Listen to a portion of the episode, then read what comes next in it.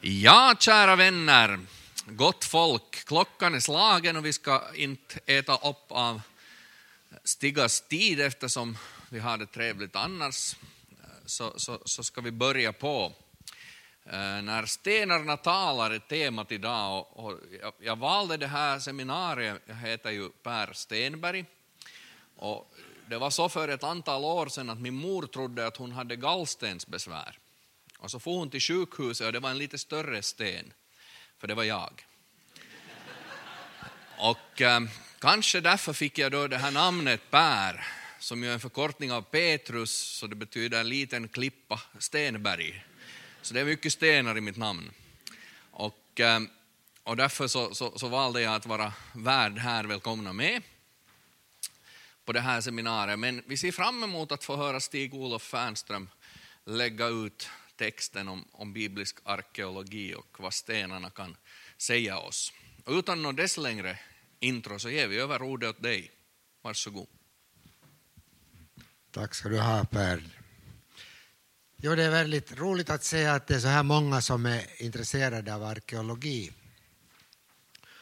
Och jag tänkte börja med en liten historia som påstås vara sann. Många av er känner ju säkert namnet eh, nu tappar jag bort det själv, den här kända kvinnliga deckarförfattaren i England. Agatha Christie naturligtvis. Hon var gift med en arkeolog. Och han jobbade i Irak och på några av sina resor för att hälsa på sin man eller åkte med sin man dit så, så, så det där fick hon inspiration till den där ena deckaren Mordet på Orientexpressen. Och hon sa vid något tillfälle att, att det är väldigt bra att ha en man som är intresserad av arkeologi. För att det betyder att ju äldre jag blir, desto mer intresserad blir han av mig. Och det är ju, det är ju förstås en, en bra sak att komma ihåg. Jo, vi ska gå in på det här temat. Stenarna ropar om biblisk arkeologi. Och det är ju ett väldigt omfattande ämne. Vi hinner ju bara lite skrapa på ytan, men jag hoppas att det här skulle uh, ge lite mer smak och, och, och så där göra att ni verkligen skulle vilja fördjupa er i arkeologin. Och då börjar jag med en sån här fråga. Vad är Bibeln egentligen? Och jag tror att vi alla utan vidare kan säga att det är, en, det är en bok som handlar om andliga ting. Den berättar om himlen och berättar hur man ska komma dit och så vidare. Men samtidigt ska vi observera att Bibeln är också en bok som återger historiska händelser. Och det här är väldigt viktigt just med tanke på vårt ämne idag. Och jag har ett bibelord i tankarna Jesus säger när han talar med Nikodemus, om ni inte tror när jag talar till er om det som hör jorden till, hur ska ni då kunna tro när jag talar till er om det som hör himlen till? Jag har försökt illustrera det här lite. Om vi tänker på Bibeln så, så menar jag att, att det, det, det, det, det skulle kunna innefatta allt det här och man kan liksom dela på det så här. En del är det andliga budskapet i Bibeln. Dit når vi inte med, med vetenskapens olika redskap och metoder. Men så finns det samtidigt då den andra sidan av Bibeln, nämligen det historiska skeendet, de, de fakta som Bibeln återger. Och nu, nu skulle det gälla att, att se hur de här fynden, till exempel arkeologiska fynd, fynd från 2000 och 3000 år bakåt i tiden, hur de kan belysa Bibeln. Stämmer de överens med Bibelns berättelser eller stämmer de inte överens? Och jag har illustrerat det så här att när vi hade de där fakta här, så fakta som vetenskapsmännen kommer fram till, historieforskare och, och biologer och, och, andra naturvetare och, och, och sen också förstås arkeologer som gör sina fynd, så är det frågan att, att passar de här fynden in i Bibelns beskrivning av skeendena om den tid som den beskriver. Och, och, och det är det här jag tycker att vi ska granska, att, att se lite på de här fakta. För att nu är det tyvärr, och ganska märkligt nog, på det sättet att många människor som kallar sig kristna idag menar att det här, eh, den här sidan har ju egentligen ingen betydelse. Någon som är mycket radikal kan säga att inte spelar det någon roll för min tro på uppståndelsen om Jesus skulle ska ha slängts på allmänna avstjälpningsplatsen så som man gjorde med brottslingar ofta på den tiden. Eller om Jesu kropp skulle ha lagts i en grav och förmultnat där, inte, inte påverkar det min tro på uppståndelsen. Enligt mig så är det här nonsens. Antingen har han uppstått eller så är han fortfarande död och begraven. Och när vi tänker på vår trosbekännelse, speciellt då den andra trosartikeln, så handlar det ju mest om historiska fakta. Föddes av en jungfru, led under Pontius Pilatus medan Pontius Pilatus var landshövding, eh, dog, blev begraven, uppstod på tredje dagen, uppfor till himlen. Allt det här var sånt som hände i vår värld, mitt ibland människorna där han fanns. Alltså det är väldigt lite, ska jag säga, rent andligt i, i, i trosbekännelsen. Det, det mesta handlar i andra trosartikeln just om de här grundläggande fakta. Förkastar vi dem så, eller kan vi visa att, att de här sakerna inte stämmer. Det var, jag kommer ihåg en, en, en historia som jag hörde. Det var någon söndagsskollärare eh, som, som fick den där frågan att, att hur skulle det påverka din tro om, om, om det skulle stämma att, att eh, Jesus uh, bara försvann, att han inte uppfor till himlarna, Så, så svarade hon som eh, sa att, att, att någon av mina söndagsskolbarn skulle säga så här att varför skulle han lämna kroppen efter sig när han for till himlen? Alltså det handlar om konkreta saker och, och, det är viktigt för oss att, att vi kollar om vi kan lita på det som sägs. Arkeologin det är ju inte någon exakt vetenskap i den meningen att man kan eh, utan vidare slå fast vissa saker. Vi får fram vissa fragment. Det ger oss fragment av fakta och ofta behöver de här fragmenten sen tolkas.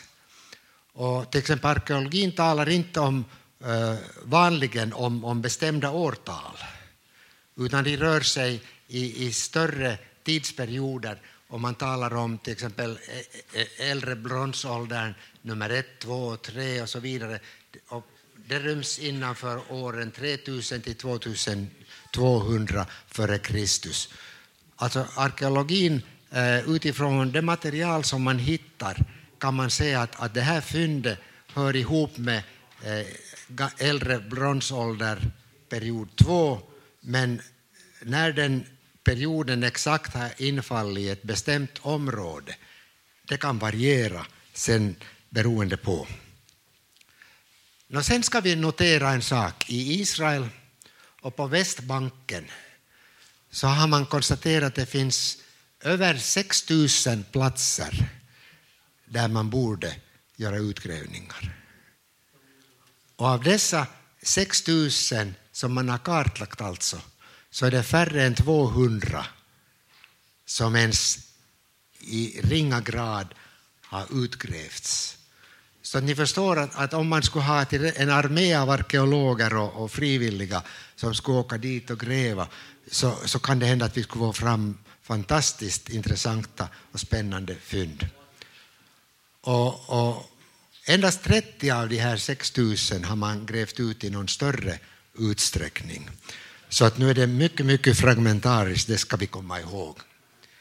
När samma förhållande gäller Syrien, Jordanien, Irak, men inte Egypten. Och nu förstår ni ju att, att så som det ser ut i dagens Mellanöstern så är det nog ganska otänkbart att man ska ordna arkeologiska expeditioner till Syrien och Jordanien. Och, och Jordanien är lugnare, men Irak för att, för att det, det är alltför svårt att, att gräva där. Nå, hur, är det, hur går arkeologin tillväga? Jo, man daterar vanligen med hjälp av krukskärvor. Och det, det är ganska intressant att, att det där när, när man rör sig ute där i, i, i, i naturen och hittar en sån här täll som man brukar tala om, en sån här speciell eh, kull, ett speciellt sorts kulle, så, så börjar man med att vandra runt den där tällen och se vad det finns för krukskärvor på marken. Och de här arkeologerna de är mycket duktiga, så att, i synnerhet om det är från övre delen av en kruka där man liksom ser den där kanten eller om det skulle råka vara en bit där det finns lite av handtaget kvar eller om det är från botten. Så de är väldigt duktiga på att datera den där och säga att det där är från mellan brons och bronsålder, period 2. Och, och, på det sättet vet de då redan, före de alltså börjar gräva, att nu har den här platsen varit bebyggd under den och den perioden, så har den tydligen varit öde, för att från den perioden finns det inga skärvor och sen igen från senare tider har vi eh, tydliga eh, bevis. Och sen, det som ju är ett verkligt fynd som hjälper arkeologer och historiker att, att komma Eh, verkligheten på spåren på ett helt annat sätt det är ju man hittar dokument. Och man har hittat kanske en halv miljon dokument. Det mesta av det är lerskärvor, lertavlor och, och delvis också skärvor och ganska mycket skärvor. Och av dessa är bara ungefär 10 procent publicerade. Och forskarna är väldigt duktiga. Eh, de läser de här skärvorna, eh, texten på dem och, och kan tyda dem och, och, och, och det, eh, man får fram mycket, mycket information. Och sen ska vi observera också en sak att bosättningarna hindrar utgrävning. För när det har byggts moderna städer eh, så, så har man byggt dem ovanpå de gamla eh, fynden som har funnits där i jorden och, och man kan ju inte köra bort folk och riva deras hus idag och säga att vi vill gräva här. Det står med många av de platserna osäkra. Till exempel det har varit väldigt mycket diskussion om staden Ai som Josua var med om att erövra då när folket tågade in i, i, i, i det där Israel. Jeriko osäker på det sättet att man inte vet exakt var det gamla Jeriko fanns. Jag ska inte gå in på detaljer här, vi ska skynda vidare. Och när det då handlar om texter så har vi här ett exempel på en gammal text. Den är skriven på sumeriska. Och faktiskt så har, har vi i många år i Helsingfors universitet haft en professur där man bland annat har undervisat i sumeriska. Så att eh, ni får vara glada och tacksamma och tacka Gud i aftonbönen för att ni inte har behövt läsa sådana här texter utan att ni har fått lära er ett alfabet med 28 bokstäver. Den här sumeriskan eh, härstammar ju från ett folk som stod väldigt högt kulturellt sett. Det finns litteratur och det finns mycket annat. Och, och till exempel på det här sättet eh, börjar man sen skriva ordet människa. Och på sumeriska så skulle det uttalas lo. Och det var ju jobbigt att rista in de här eh, tecknen så man började skriva med kilar på, på en lertavla som ännu var mjuk så att, så att man kunde trycka in de där kilarna. Och då började det här tecknet Lo se ut så här i den här gamla sumeriska varianten med kilskrifter. Och sen eh, sumererna som folk dog ju sen ut och deras kultur försvann men mycket av det bevarades av assyrier och babylonier. Och, och till exempel den gammalbabyloniska varianten av, av människa kunde skrivas på så här många olika sätt. Och, och fortfarande är det, är det eh, det där sumeriska lo, men då uttalar man det på, på semitiskt sätt så det blev awilum, en, en människa. Men jag ska inte gå allt för långt in på, på, på, på det här. Det, den här kursen i, i, i assyriologi vid universitetet tar ett par, tre år så vi ska inte hålla på så länge. Här har vi ett exempel på en lertavla. Ett brev som man har hittat i södra Egypten eller i övre Egypten som man brukar tala. Man eh, på något sätt hade alltid förbryllat mig det här att nedre Egypten är här vid Medelhavet och övre Egypten är där eh, längre in i landet. Jag tycker att det ser ut på kartan som det ska vara tvärtom.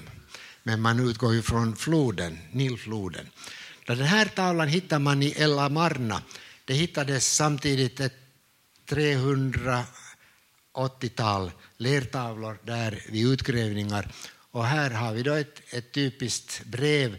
Det är skrivet någon gång cirka 1400 f.Kr. Och, och det är skrivet eh, till någon härskare som levde där i södra Egypten från eh, Kanans land.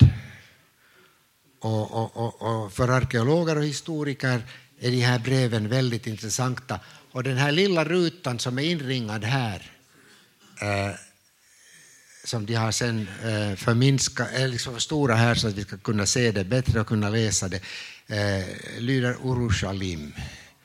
Och forskare menar att det här handlar om Jerusalem.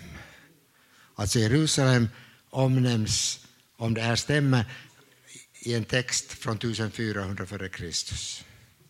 Och det stämmer överens med Bibeln för att vi vet ju att på Abrahams tid så, så, så mötte han ju Melkisedek som var eh, präst och kung i Salem, Uru-Salim, Salems stad. När vi går vidare, tittar på lite sådana här fynd. Här är en, en, en, en eh, tavla som eh, kung Hammurabi har låtit göra och som arkeologerna har hittat vid utgrävningar. Och här på den här tavlan har de ristat in hela Hammurabis lag med kilskrift.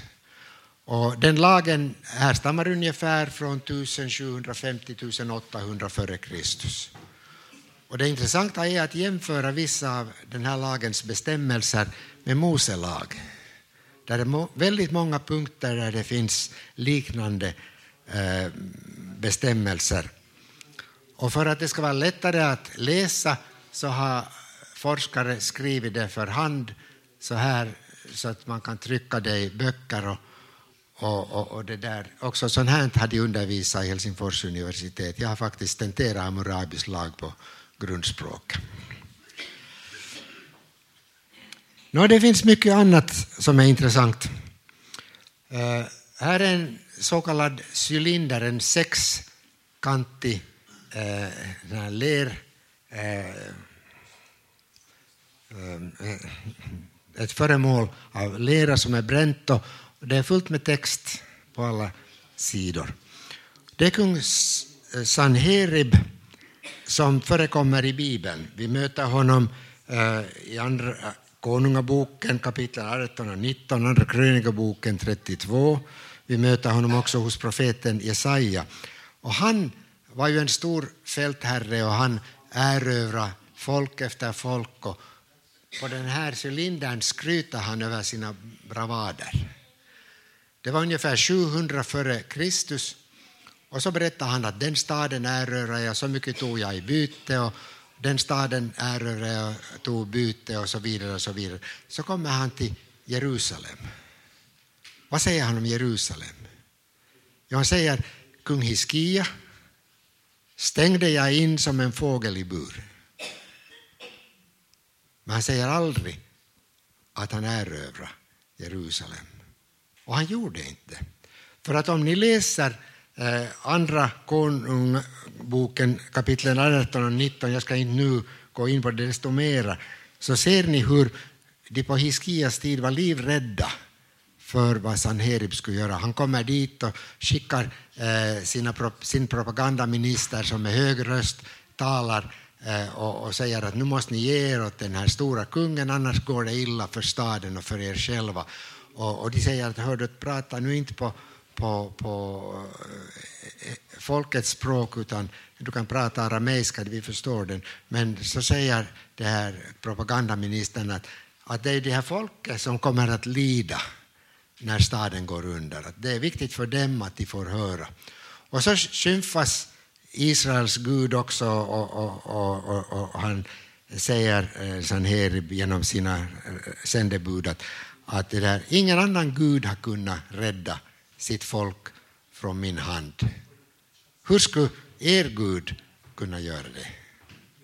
Och så läser vi också hur profeten Jesaja gick i förbön och han fick ett budskap från Herren att, att staden ska skonas. Och så gick det så att, att, att en ängel kom och slog Sanheribs armé och massor av folk dog. Man vet inte vad det var för sjukdom eller vad det var som hände och, och, och de var tvungna att dra sig bort därifrån. Nå, här är ännu en annan sorts text. Det är hieroglyfer som användes i Egypten i gammal tid och man har hittat mycket texter på egyptiska, framför allt också sånt som har målats på väggar och huggits in på, på väggar i de här gamla templen och så vidare. Och, och, och de kan också ge mycket intressant upplysning. Nu, hur gör arkeologen när han då börjar jobba? Jag sa att man ser den där tällen i geografin. Man, man lär sig se på, på den här kullens form att här handlar det om en täll, inte någon vanlig Eh, formation i naturen. Söker man de här keramikskärvorna och med hjälp av dem får man fram då, eh, vilka, under vilka tider den där platsen har varit bebodd. Och ni vet hur det slarviga människor har varit i alla tider när ett kärl går sönder, en tallrik eller sånt så är man inte så hemskt nogräknad så slänger man skärvorna lite var som helst.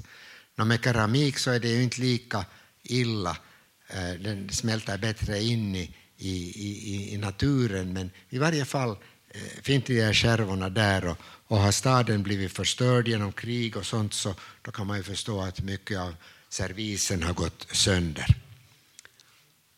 Men ett problem är ju det att de här utgrävningarna kostar massor av pengar och det är mycket, mycket långsamt, ett mycket långsamt jobb. Och här ser vi ett exempel på en sån här täll. Ni märker att det är en platt topp och den finns där i naturen. Här är det berglandskap så där finns flera kullar men den där har en alldeles speciell form. Och så ska vi se en eh, ritad bild, en schematisk bild av en sån här täll. Och här ser vi då eh, de här olika perioderna. Här har vi eh, bronsålderns olika perioder.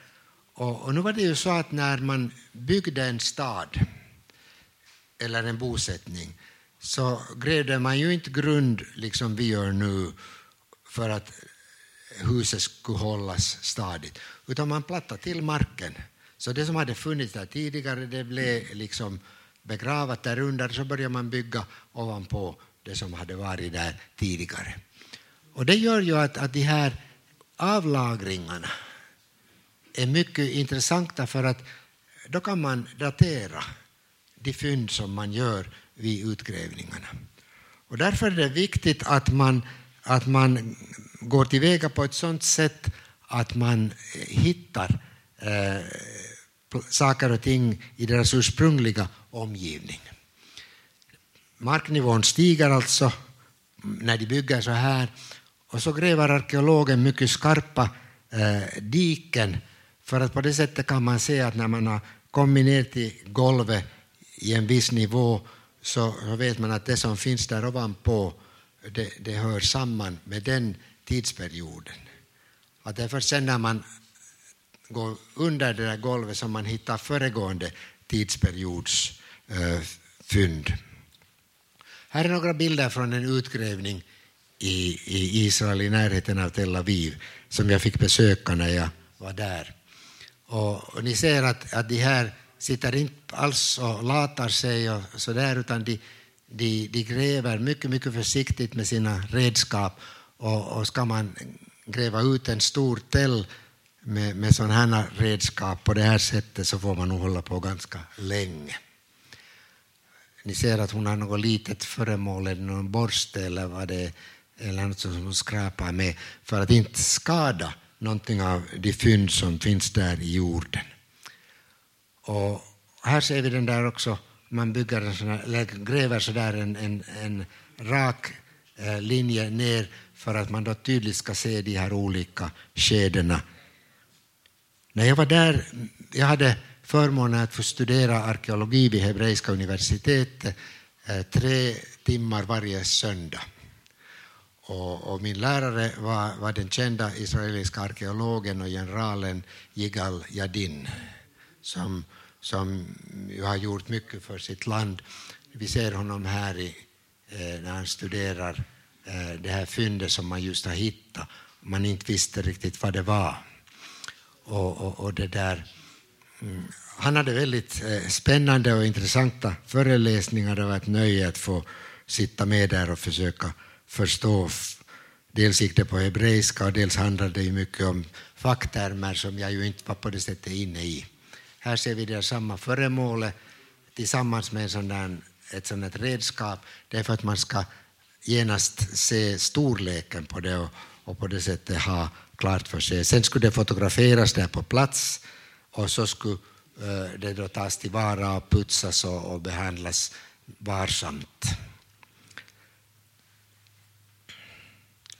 En söndag när jag kom till universitetet för att åhöra föreläsningarna så stod det en lapp på dörren. Föreläsningen är inställd idag. Orsak professorn är på reservövning. Så till och med generalerna hamnar eh, på reservövningar regelbundet. De här texterna är ju mycket värdefulla om man hittar sådana och då, då är det lättare att datera Eh, de fynd som finns där i det sammanhanget. Om man hittar mynt så hjälper det naturligtvis mycket. Och så finns det sigill och avtryck av de här sigillen som också är, väldigt värdefulla. Och de här bruksföremålen som man hittar hjälper att kartlägga den kultur som, som de här fynden kommer ifrån. Här ser vi ett litet sigill. Och vi ser eh, storleken på det när vi ser det där mellan de två fingrarna. Och, och, man har gjort massor av fynd. Här är bara ett litet urval eh, sådana här fynd. Och ni märker hur noga man har ristat in eh, vissa saker. Här har vi någon egyptisk eh, text med, med, med kilskrift. Och, och, och, förlåt, inte kilskrift utan, utan hieroglyfer menar jag naturligtvis. Och här har vi text på, med, med gammal eh, hebreisk text så att vi känner inte igen de där bokstäverna fast vi skulle ha läst hebreiska på Uni för att man skrev före babyloniska fångenskapen skrev man med gammal hebreisk text. Så att när, när eh, den förlorade sonen kom hem och det berättas i Lukas 15 att pappa sa att han ska få ringen på fingret, så det var inte någon vanlig dekorationsring eller så där, utan det var antagligen en signetring. Så att, skulle vi översätta det till modernt språk så skulle vi kunna säga att pappa sa att, här har du bankkort, kreditkort. Och, och det visar oss vilket förtroende pappan hade och vilken kärlek han hade till sin son. Han hade sånt förtroende att han gav honom den auktoritet som signetringen innebär. Nu här är bara ett exempel på mynt som man har hittat. Eh, kung Ptolemaios, en av, alltså när Alexander den store dog, han eh, försökte ju erövra hela världen och, och, och, kom väl ända till Indien också på sina erövringar, så han dog mycket ung och så delades han rike i fyra delar och, och det här var Ptolemaios som blev eh, hans efterträdare i den ptolemeiska delen av riket. Det är ungefär 300 före Kristus som han var kung. Nå, några exempel. Jag nämnde Sanheribs cylinder. Ett mycket intressant fynd var fyndet av en benkista. Jag vet inte hur väl insatta ni är i begravningstraditioner i, i Israel på den tiden, men när, när en människa dog så la man den eh, till exempel in i en grav, en klippgrav som man gjorde med Jesu kropp. Och så fick den ligga där och på ett år eller två så förmultna eh, kroppen, alla de mjuka delarna av kroppen eh, försvann och så fanns bara skelettet kvar. Så tog man det här skelettet och så, så liksom vek man ihop de här benen så att de rymdes i en kista som var kanske en meter lång. En kista som var gjord av, av lera som man då hade bränt. Och så hände det att man där i Jerusalem skulle bygga en ny väg. Och man hade såna här vägtraktorer och caterpillars som, som jobbade där och, och plötsligt så stötte den här caterpillern på någonting som gick sönder. Det visade sig vara grott, ett, taket i en grotta som fanns där helt gömd under marken. Och då betydde det ju att vägarbetet upphörde, arkeologerna tillkallades. Vad betyder det här? Och de gick in i den där grottan och konstaterade att det här är en gravgrotta som ännu inte har varit öppnad sedan den sista avlidna lades där i grottan. Och så började de undersöka de där benkistorna som fanns där och så till sin förvåning såg de att på en av de kistorna stod det att det var, stod ett namn, Josef bar Kaifa. Och översteprästen Kaifas hette Josef i förnamn.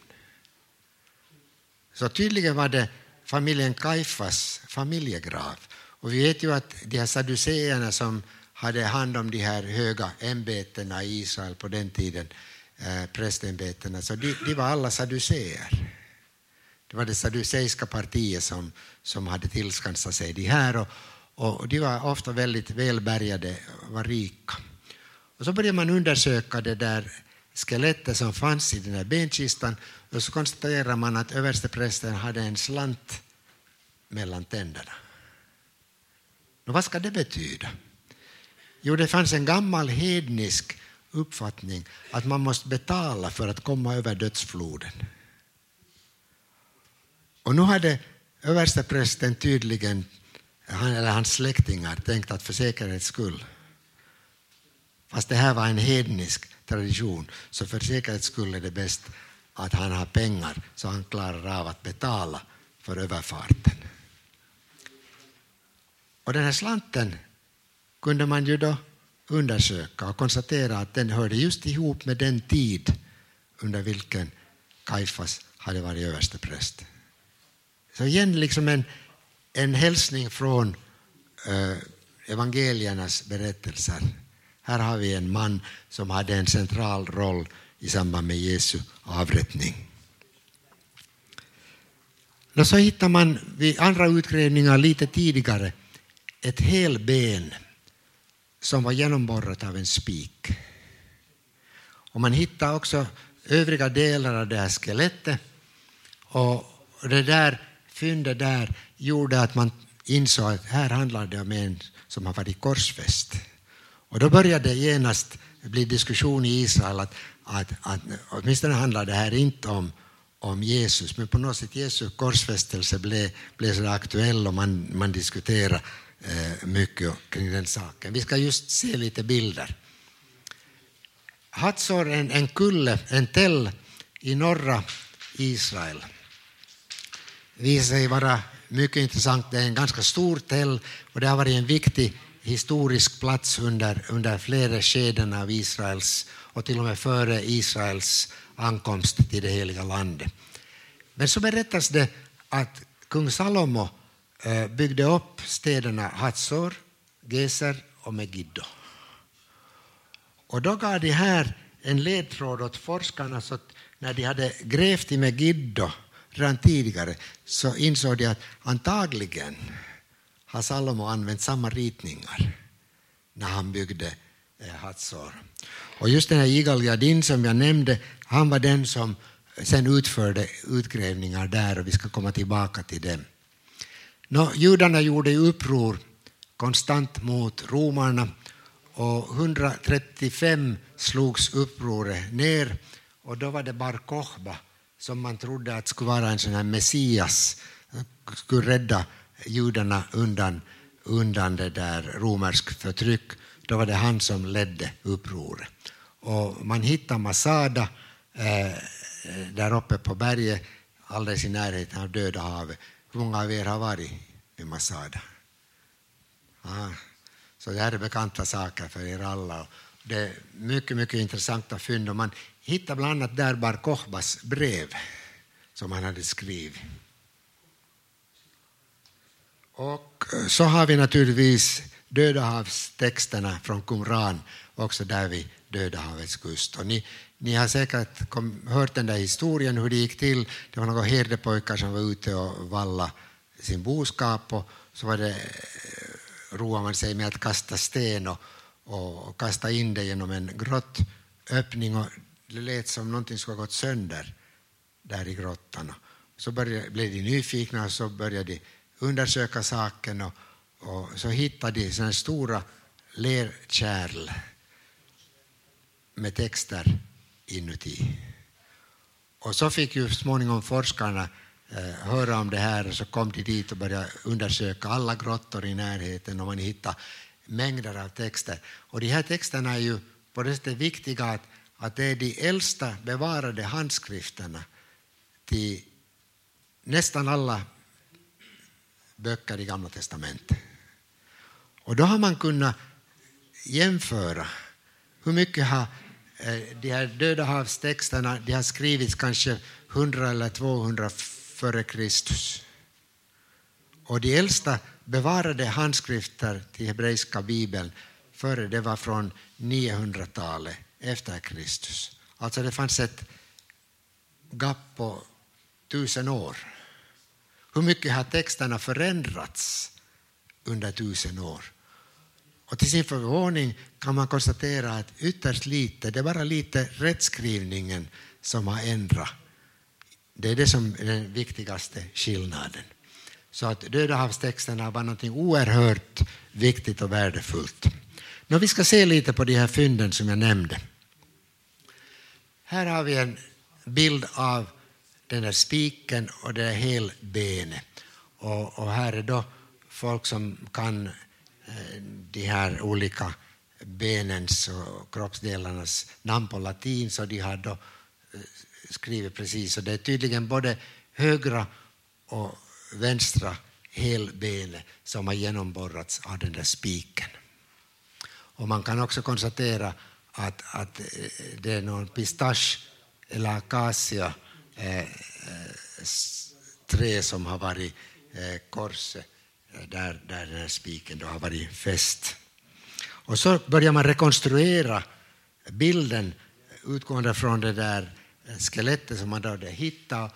Och, och, det var två, två det där förslag till hur den där mannen hade spikats på korset. Antingen så att, att hälarna var förenade med en spik här ner till, så där, eller att de var förenade på det här sättet.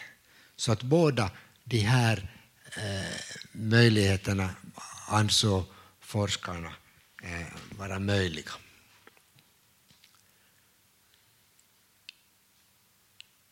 Vet ni annars vad det är som gör att, att en korsfäste dör?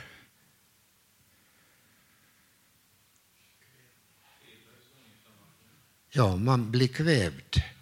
Och, och, och, och, det där när man har svårt att få luft så, så tar man lite spjärn med, med benen för att, för att göra det lättare för lungorna att ta in luft.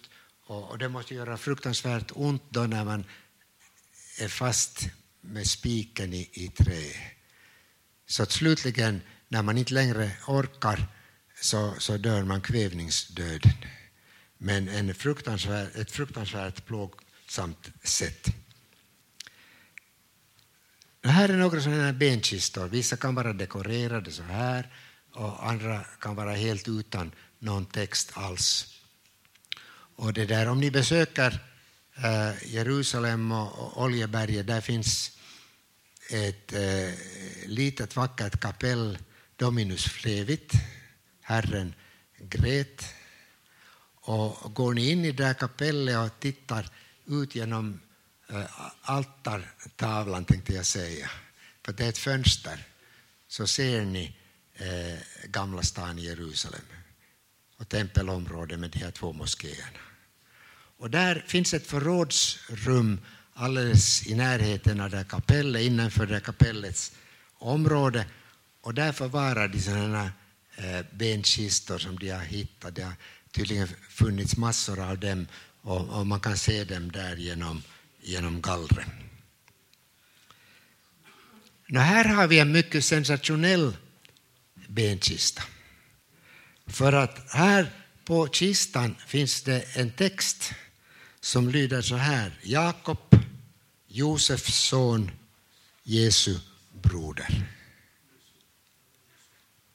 Och när den här nyheten kom ut så blev det ett väldigt liv och väldiga diskussioner. Problemet med den här kistan var det att man hittade inte i en utgrävning utan man hittade den i en antik affär. Så man vet inte exakt varifrån den kommer och det blev en väldig rättstvist. Det gick upp till Israels högsta domstol. Och, och många forskare var av den åsikten att den här texten är autentisk och, och, och det här materialet är autentiskt, att den här kistan verkligen härstammar från vår tideräknings början och, och eh, den patina som har kommit på, på det här under århundradena, att den är äkta och så vidare. Men alla forskare var inte överens och, och israeliska eh, antikämbete, eller vad man ska kalla det, eh, motsvarigheten väl till, till museiverket hos oss, så de öppnade eh, doms, åtala den här mannen som hade eh, haft den här till försäljning. Och högsta domstolen blev då tvungen att ta ställning till att är den äkta eller är den inte äkta. Så nu är det ganska eh, intressant att högsta domstolen måste avgöra om ett arkeologiskt fynd eh, stämmer eller inte. No, de, de kom slutligen då till det att, att åtminstone kan det inte påvisas att det skulle vara en förfalskning. Så att det, är ju, det är ju ganska viktigt för oss att veta. Så nämnde jag det här Hatzor, Tel Hatzor. En mycket stor tell. Och, och Yigal sa att, att, när de då började utgrävningarna där så insåg han ju att det skulle ta hundratals år att gräva ut den här stora tällen. Och han eh, utgick från, det, det gick någon sorts fault line, jag vet inte riktigt hur man ska översätta det, men någon sorts sänka eh, där, där det kunde tänkas finnas vatten. Och så konstaterade han då att det fanns en källa utanför den här tällen. Och så räknar han ut som militär att, att det är ju alldeles givet att, att en stad kan ju inte försvara sig mot fiender om man måste gå utanför för att få vatten till stan. Och så drog han den slutsatsen att det måste finnas något sätt att få in det där vattnet i stan eh, så att man klarar sig undan en belägring. Och så eh, började de med utgrävningar och, och som eh, de hittade en, en, en sån här eh, byggnad där och, och konstaterade att där är det möjlighet att gå ner. Och som militär så kunde han tydligen kalla in arméns redskap till hjälp så de hade en, en grävskopa där. Det är sånt som man inte vanligen använder i arkeologiska utgrävningar.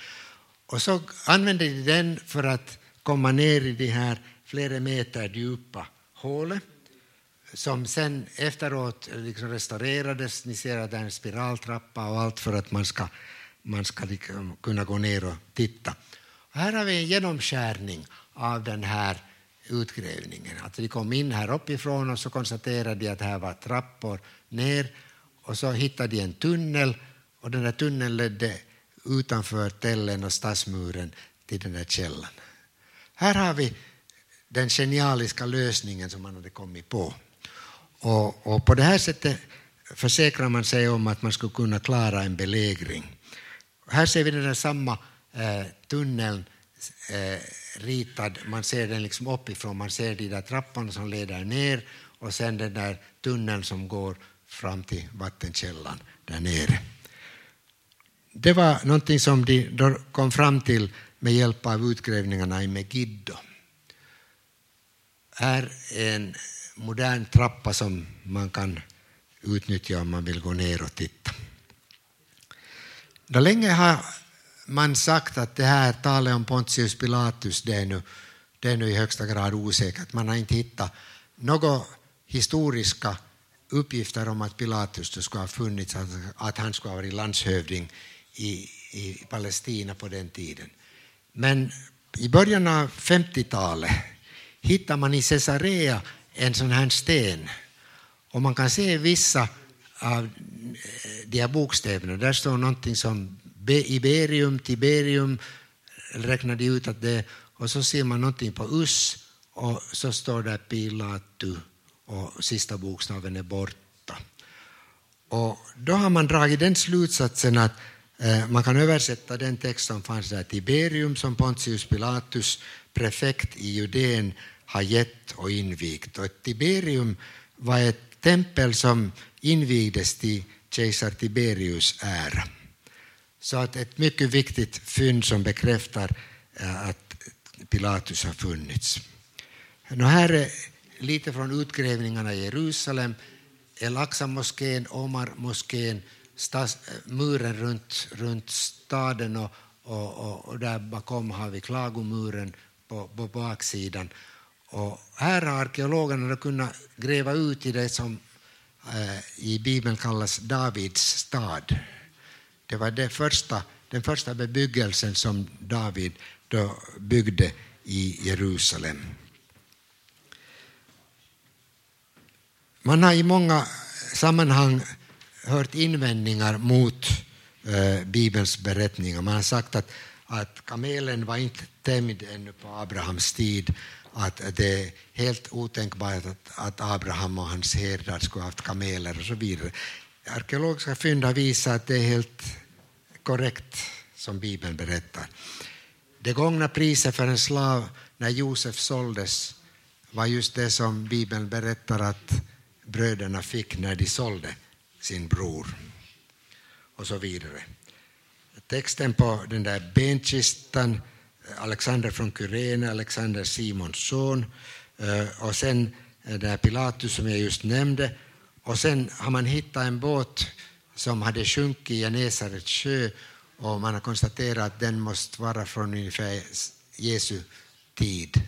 Så den finns idag i en kibbutz alldeles nära Eh, sjön där man förvarar den populärt kallas den Jesusbåten.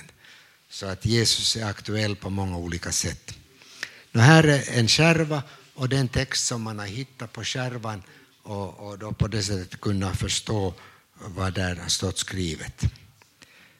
Här har vi det vanligaste sättet att, att meddela sig med andra. Man tog vara på sådana söndriga krukskärvor och så skrev man brev på dem. Så det var jobbigt för postiljonen att, att komma med en hel kass full med, med, med sådana krukskärvor och droppa in dem i våra postlådor. När den här skärvan kan dateras till den 27 i Tammus år 43 som motsvarar eh, 20 juli 362 när kung Artaxerxes den andra regerade. Hans regeringstid var mellan 404 och 359. Så igen en, en, en sån där liten hälsning som binder eh, eh, liksom oss till det historiska. Och nu tänkte jag börja sluta. Det har ju funnits många förfalskningar, många, eh, det finns ett tiotal olika evangelier. Och man eh, hör ibland att varför är det bara de här fyra som godkänns? Man borde ju ha Thomas evangeliet.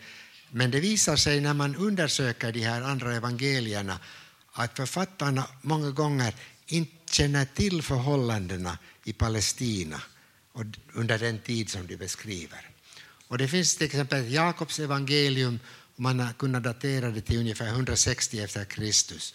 Men det är alldeles uppenbart att författaren inte kände till livet i Palestina på, på den tiden.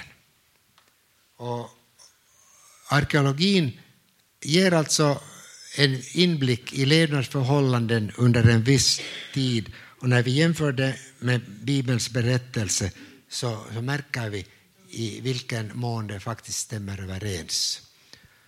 En jämförelse visar att mycket av det som Bibeln berättar verkligen är sant och riktigt. Och så tänkte jag sluta med ett konstaterande. Det är viktigt att komma ihåg att vi tror inte på Gud på grund av arkeologiska fynd. Inga arkeologiska fynd kan överbevisa någon som inte vill tro. Men jag tycker personligen ändå att det är väldigt trostärkande och roligt att konstatera att när man gräver fram olika sådana här saker så passar de in i just det som Bibeln beskriver. Jag studerade i, studerade i tiden för professor Apeli Saarisalo som många av er känner i namnet åtminstone, en mycket, mycket originell man. Eh, nu för bara några veckor sedan var det 90 år sedan han åkte till Jerusalem och började arbeta för Finska missionssällskapet där. Och det där, han eh, brukar säga ibland, han var ju mycket känd arkeolog och, och, och, och det där, eh, har skrivit en hel del som berör Bibeln och arkeologin. Och han sa att det märkliga med vår tids teologer är att de gräver i sitt huvud och de hittar de mest fantastiska, orimliga teorier. Medan vi arkeologer vi gräver i jorden och vi hittar bevis efter bevis på att Bibeln talar sanning. Tack ska ni ha för uppmärksamheten och nu får jag stå till svars för vad jag har sagt. Varsågod om det är någon som har frågor.